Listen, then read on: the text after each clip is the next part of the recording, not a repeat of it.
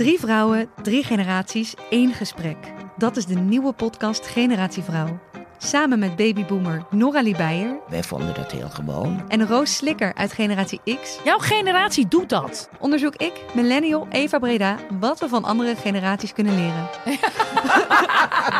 Iedere vrijdag een nieuwe aflevering op Flair, Libelle of margriet.nl slash podcast. Hij is volop aan het verhuizen. En dan verdwijnt Duncan Zwakke uit Zutphen plots op mysterieuze wijze. Collega's kennen hem als een rustige man, maar er gaan ook andere verhalen rond. De politie looft 10.000 gulden uit voor de tip. Wat weten we nu over deze zaak, 34 jaar later? En wat levert die gouden tip nog op? Je luistert naar Moet je horen, waarin we bijzondere verhalen van de Stentor aan je voorlezen. Met in deze aflevering de gouden tip over de mysterieus verdwenen Duncan blijft geld waard. 10.000 gulden voor de tip die leidt naar de oplossing in de veelbesproken vermissingszaak van Duncan Zwakke. En die beloning werd uitgeloofd in 1990 en staat nog steeds. Om te begrijpen waarom dat zo is, gaan we eerst terug naar de zaak zelf. En dat betekent terug naar oktober 1989. Duncan Alfred Zwakke werkt bij pacemakerfabrikant Vitatron in Dieren in Gelderland. Daar staat de dan 31-jarige man bekend als rustig, als een in zichzelf gekeerde technicus. Iemand die hard werkt en weinig praat. Maar in Zutphen kennen ze Zwakke ook als een heel andere man. Als de man die een van de grootste spelers zou zijn in de lokale drugsmarkt. Een man kortom met twee gezichten. Op dinsdagmiddag 17 oktober 1989 brengt Zwakke een kort bezoek aan Café de Spaan aan de Nieuwstad in Zutphen.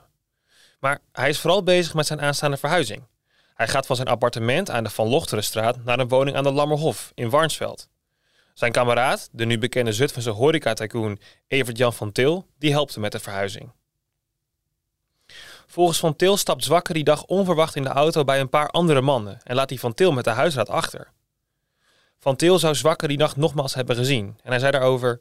Hij werd omringd door enkele duistere figuren. Geen fijne types. Ze hadden wapens bij zich en eisten geld en dat had ik niet. Duncan was angstig. Het is de laatste keer dat ik hem heb gezien. Al met al heeft het hooguit een paar minuten geduurd. En Van Til vertelde dit alles in een spaarzaam interview met de Stentor over deze zaak. Ook de familie van de in Suriname geboren zwakke hoort na die dag in oktober niets meer van hem. En dat is, zo stellen familieleden, niets voor Duncan. De recherche doet onderzoek en concludeert binnen een maand dat er sprake moet zijn geweest van een misdrijf. En er worden meerdere verdachten aangehouden. Een van die verdachten is Duncans kameraad, Evert-Jan van Til. Hij zit maanden vast, maar hij wordt wegens gebrek aan bewijs weer vrijgelaten.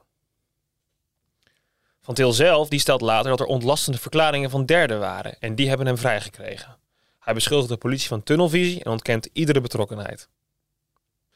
De geruchten over de mysterieuze verdwijning houden tot de dag van vandaag aan.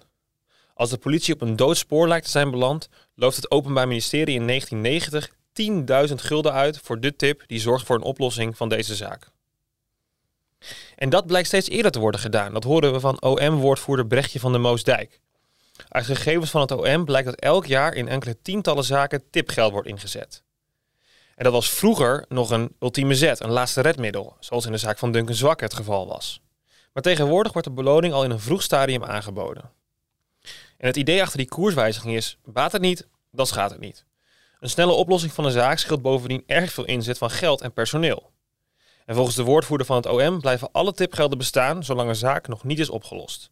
En dus is de beloning in de zaak Zwakke ook nog beschikbaar. In 2016 is dat bedrag van 10.000 gulden omgezet naar 15.000 euro. En dat is dus geen één op één omrekening. Een uitgeloofde beloning kan namelijk worden verhoogd omdat politie en het OM nog één keer alles uit de kast willen halen om de zaak opgelost te krijgen, legt het OM ons uit. Maar waarom verschilt die hoogte eigenlijk? Want lijkt het zo niet of het ene mensenleven meer waard is dan het andere? Nou, woordvoerder van de Moosdijk van het OM die zegt daarover dit.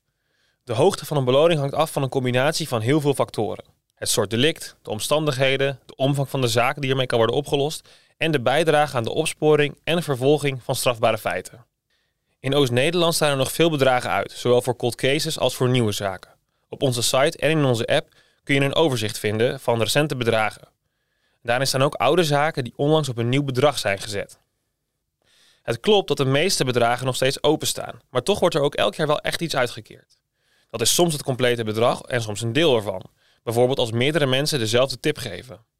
Er zijn ook nabestaanden en organisaties zoals de Peter R. de Vries Foundation die bedragen in het vooruitzicht stellen. De familie van zwakken die heeft ons laten weten op dit moment niet mee te willen werken aan een verhaal. Toch blijven de achterblijvers hopen op een doorbraak, zelfs 34 jaar later nog. Drie vrouwen, drie generaties, één gesprek. Dat is de nieuwe podcast Generatie Vrouw. Samen met babyboomer Noralie Beijer Wij vonden dat heel gewoon. en Roos Slikker uit Generatie X Jouw generatie doet dat. onderzoek ik, millennial Eva Breda, wat we van andere generaties kunnen leren. Iedere vrijdag een nieuwe aflevering op Flair, Libelle of margriet.nl slash podcast.